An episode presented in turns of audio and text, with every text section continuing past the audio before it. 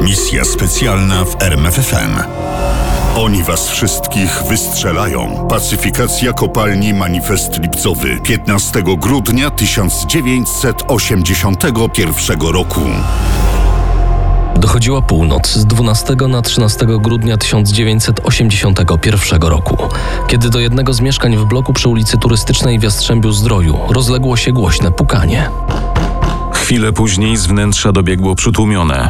Kto tam? Mam dla pana telegram. Proszę otworzyć.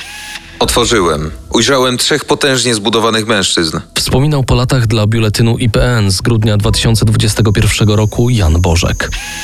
Pójdzie pan z nami. Teraz? O tej porze? Kim wy w ogóle jesteście? Nie odpowiedzieli, tylko jeden z trójki widocznie ich dowódca rozkazał. Brać go! Próbowali chwycić Bożka, ale się wyrywał.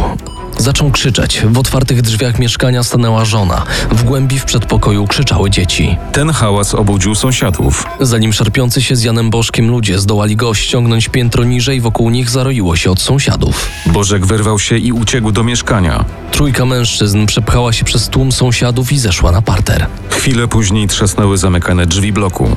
Tymczasem Jan Bożek złapał za telefon i zadzwonił na milicję.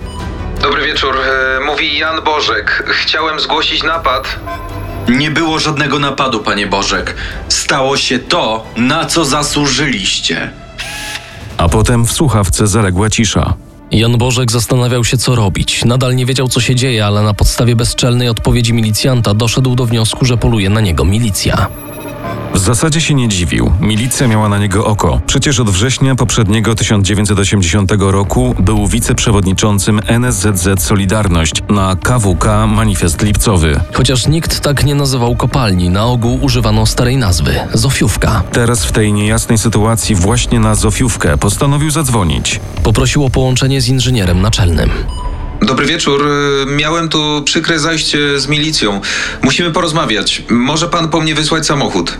Inżynier się zgodził. Kazał przyprowadzić kierowcę i wydał mu instrukcję. Rzeczywiście policja nie odpuściła. Gdy tylko Nysa z Janem Bożkiem w środku wyjechała spod bloku, kierowca milicyjnego Fiata uruchomił silnik. Ruszyli ostro w ślad za znikającą za zakrętem Nysą. Tymczasem Nysa wyskoczyła z turystycznej ostro w lewo na graniczną, potem z granicznej również ostro w prawo w średnicową i pędziła dalej pełnym gazem w dół do Pszczyńskiej. Milicyjny Fiat gnał za nimi. W Pszczyńską wchodzili z piskiem opon, potem był krótki odcinek pod górę i znów ostry skręt, tym razem w lewo, a potem A potem już była kopalnia i czerwone światła Nyski zniknęły gdzieś za bramą. Byli bezpieczni. próba aresztowania Jana Bożka była częścią planu Jodła, który Służba Bezpieczeństwa opracowywała od wiosny 81 roku. Chodziło o internowanie aktywów wrogich kontrrewolucyjnych ugrupowań. Że użyjemy języka komunistycznej propagandy, w tym oczywiście działaczy Solidarności i KOR-u na terenie całego kraju. Cztero bądź pięcioosobowe grupy milicjantów lub SB-ków uzbrojonych w łomy W sumie około 10 tysięcy funkcjonariuszy. załomotało w drzwi mieszkań od Gdańska i Szczecina na północy po Kraków, Katowice i Jastrzębie na południu Polski. Wiele zatrzymań miało dramatyczny przebieg. Rozbijanie drzwi łomami, kajdanki, płacz dzieci, wyprowadzanie na siarczystym rusu ludzi w piżamach.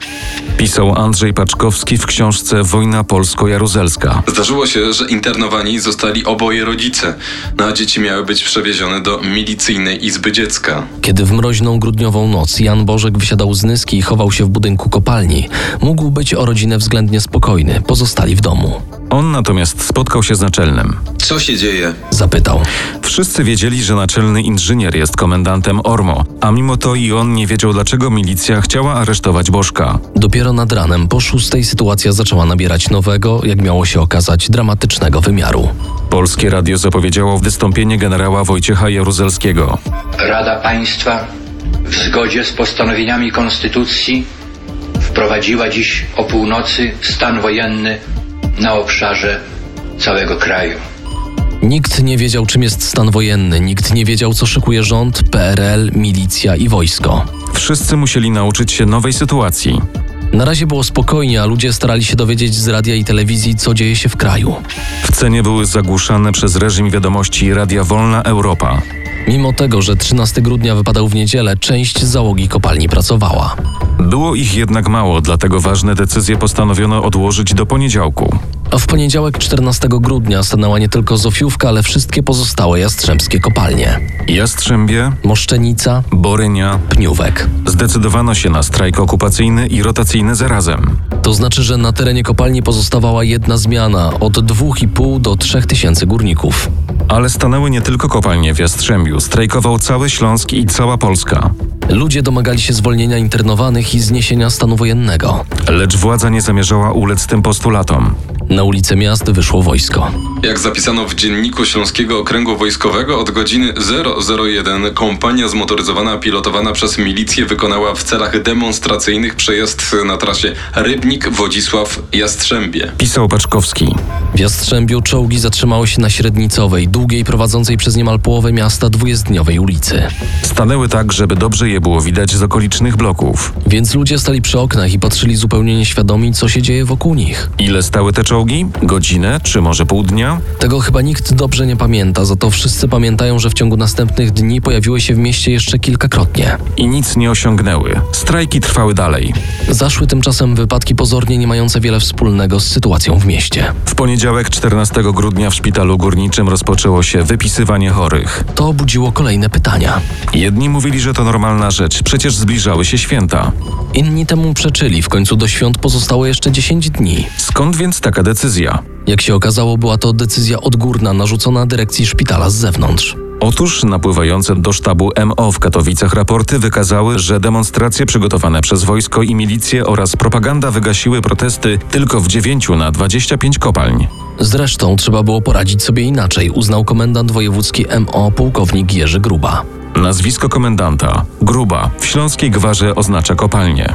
Można więc powiedzieć, że dozorujący przebieg stanu wojennego w województwie katowickim pułkownik Gruba zdecydował o wysłaniu na Gruby i strajkujących tam grubiorzy oddziały ZOMO. Dowodził nimi pułkownik MO Kazimierz Wilczyński, wojewódzki komendant ZOMO. Zanim nastał świt, 15 grudnia pod kopalnię Jastrzębie podjechała kolumna czołgów i wozów opancerzonych. Czołg wyłamał bramę. Zanim szli w kolumnie ZOMowcy. Górnicy byli w cechowni, okrągłym budynku stojącym nieopodal bramy głównej. Nie byli przygotowani na bitwę z siłami porządkowymi. Najpierw do środka wleciały puszki z gazem łzawiącym, a potem na przestraszonych ludzi rzuciło się ZOMO. Wiadomości o pacyfikacji KWK Jastrzębie dotarły na Zofiówkę około 8 rano. Bili brutalnie wszystkich, nie bacząc na wiek i płeć. Mówił Jan Bożek. Prawdopodobnie zaatakowali jedną z kobiet, która w wyniku pobicia poroniła. Atakowali, nie zwracając uwagi na to, czy ktoś strajkuje, czy nie, czy jest członkiem Solidarności, czy PZPR. Rannych odwożono do szpitala górniczego, a informacje o brutalnym pobiciu górników z KWK Jastrzębie szybko rozeszły się po mieście. Po uzyskaniu tych informacji zdałem sobie sprawę, że sytuacja jest gorsza niż przypuszczałem. Padło pytanie. Kopy, co robimy? Zdejmowano sztyle z kilofów, mocne trzonki o znacznie większym efekcie uderzenia niż miękka policyjna pałka. Przygotowano grube, długie wiertła. Gromadzono cegły, kamienie dużych rozmiarów nakrętki i śruby. Byli wśród nas i tacy, którzy chcieli wykorzystać benzynę z zakładowych zbiorników, butle z gazem, a nawet materiały wybuchowe. Opowiadał górnik Czesław Kłosek. Ale starsi mitygowali ich, by nie rozpętać piekła. Między budynkami i przy bramie wzniesiono barykady z gruzu i złomu. Kopalnia przygotowywała się na oblężenie. Mniej więcej w tym samym czasie pułkownik Kazimierz Wilczyński jechał ze swoimi zomowcami przez miasto w kierunku manifestu lipcowego. Około godziny 10 według jednych źródeł lub około godziny 11 według innych pod kopalnię podjechały. Trzy kompanie ZOMO, w tym 15 zomowców plutonu specjalnego, Trzy kompanie ROMO, cztery kompanie ORMO, dwie kompanie MO uzbrojone między innymi w cztery armatki wodne. kompania czołgów i batalion piechoty zmotoryzowanej. Wilczyński zamierzał powtórzyć taktykę wypróbowaną już na KWK Jastrzębie. Oddział ZOMO ruszył w stronę bramy i stanął bezradnie przy barykadzie. Wilczyński zrozumiał, że tym razem bez pomocy czołgów się nie obejdzie. Trzeba było wprowadzić korekty w planie ataku. Kiedy więc wojsko otoczyło teren kopalni, pułkownik Wilczyński przedstawiał dowódcom pododdziałów swoje dyspozycje. Atakujemy z dwóch stron. Barykadę przy bramie głównej zniszczy czołg. Za czołgiem na teren kopalni wejdzie kompania ZOMO. Drugi oddział zamowców miał wydrzeć się na kopalnię z przeciwnej strony przez plac drzewny. Obie grupy miały się spotkać w połowie drogi przy sortowni węgla. Rozbijemy górników na dwie grupy i tak ich łatwiej pobijemy. Atak rozpoczął się selwami petard i puszek z gazem łzawiącym, a chwilę później pierwszy czołg wbił się w barykadę przy bramie i bez wielkiego problemu ją zniszczył. a za czołgiem na teren kopalni weszło ZOMO. Nie doszło do walki wręcz. Opowiadał Kłosek. Wzajemnie obrzucano się różnymi przedmiotami. Przewagę jednak zdobyli górnicy. Na placu drzewnym otoczono zomowców i nie wiadomo jak ta walka potoczyłaby się dalej, gdyby nie nadjechały wozy opancerzone, które rozproszyły tłum i pozwoliły zomowcom się wycofać. Zresztą odwrót nastąpił również przy bramie głównej. O ile czołgi poradziły sobie z pierwszą barykadą, o tyle nie dały rady drugiej. Czołg zawisł pod woziem na stercie gruzu niczym żółw na wysokim kamieniu. I już był niegroźny. Dwa razy ZOMO próbowało szturmować Zofiówkę i dwa razy musiało się wycofać. Szpaler uzbrojonych górników był dla nich trudnym i niewygodnym przeciwnikiem. Zapowiadała się długa walka. Pułkownik Wilczyński znalazł się w niekomfortowej sytuacji. Jeśli opór potrwałby dłużej, zapewne obudzi się na nowo wola walki wśród górników spacyfikowanych już kopalni Jastrzębia. A przecież były jeszcze dwie nadal strajkujące Pniówek i Borynia. Nie miał więc wyjścia, musiał złamać ten opór. Dlatego zarządził trzeci atak. Zanim jednak zaczął się ten trzeci szturm, Wilczyński przywołał dowódcę plutonu specjalnego ZOMO. Kiedy więc pluton specjalny wykonywał rozkaz Wilczyńskiego, równy szpaler zomowców, schowanych za tarczami, szedł krok za krokiem w stronę górników. Zaczynał się trzeci atak. A górnicy w hełmach z trzonkami od kilofów i wiertłami w rękach również powoli, w szyku ruszyli w ich stronę. ZOMO stanęło Nad placem kopalnianym zawisły rytmiczne uderzenia pałek o tarczę. i miarowy krok górników. Szedł Czesław Kłosek, uzbrojony w klucz 30-centymetrowej długości. I Franciszek Gąsiorowski, I Zdzisław Kraszewski. i Bogusław Tomaszewski. Byli blisko, coraz bliżej. I wtedy ZOMO zaczęło odwrót, a nad placem rozległ się terkot broni maszynowej. Myśmy w pierwszej chwili przyklęknęli, a potem ostro ruszyliśmy na nich. Wspominał górnik Leopold Sobczyński. Zomowcy zaczęli się wycofywać, chować się za lód, nie takie wielkie rury do tłoczenia powietrza do przodków. Któryś z nich nawet się potknął i przewrócił, ale za chwilę poszła druga seria. To strzelali zomowcy plutonu specjalnego. Rozkaz wykonali tak, jak im nakazał pułkownik Wilczyński. Weszli do budynku po wyłamaniu drzwi, bo strażnik nie chciał ich wpuścić, więc go pobili. A potem ruszyli na piętro i ustawili się przy oknach. Kto wydał rozkaz użycia ostrej amunicji? Pułkownik Kazimierz Wilczyński, szef wojewódzkiego ZOMO, A może nadzorujący pacyfikację kopalni pułkownik Marian Okrutny, zastępca komendanta wojewódzkiego MO? a może konsultowano się z komendantem Grubą, Padł Czesław Kłosek. Chłopaki zaczęli się wycofywać. opowiadał Sobczyński. Ja chciałem zabrać Cześka z placu, ale on był zupełnie bezwładny. Wycofali się górnicy, ale wycofało się również ZOMO. Na placu zostało czterech rannych ludzi. Wspomniany już Czesław Kłosek, Zdzisław Kraszewski, Franciszek Gąsiorowski i Bogusław Tomaszewski. Czwarty atak wyglądał inaczej niż poprzednie. ZOMO używało gazów łzawiących i petard. Na kopalnię wjechały samochody wyposażone w armatki wodne. Organizator strajku, Jan Bożek, patrzył na to wszystko przez okna. Co chwilę przychodzili do niego górnicy z meldunkami, a on słuchał i wydawał nowe dyspozycje. Przekonywałem ich, że to nieprawda, gdyż po wydarzeniach grudnia 70 władze komunistyczne obiecały, że już nigdy nie będą strzelały do górników. Poprosili więc, by przeszedł do punktu opatrunkowego i sam się przekonał. Poszedł i zobaczył pokrwawione ciała rannych. Jan Bożek zrozumiał, że dalszy opór nie ma sensu. Rozpoczęto negocjacje. O pierwszej po południu górnicy zaczęli opuszczać kopalnię. Jan Bożek zasłabł. Stres i nerwy dały o sobie znać. Przewieziono go do szpitala, skąd po kilku dniach zabrała go milicja. Trafił do ośrodka internowania, a potem do aresztu. Podczas procesu został uniewinniony. Nie poszedł do więzienia, ale wyrzucono go z pracy. Wszystkich poszkodowanych w starciach z ZOMO, w tym oczywiście górników z ranami postrzałowymi, odwieziono do szpitala.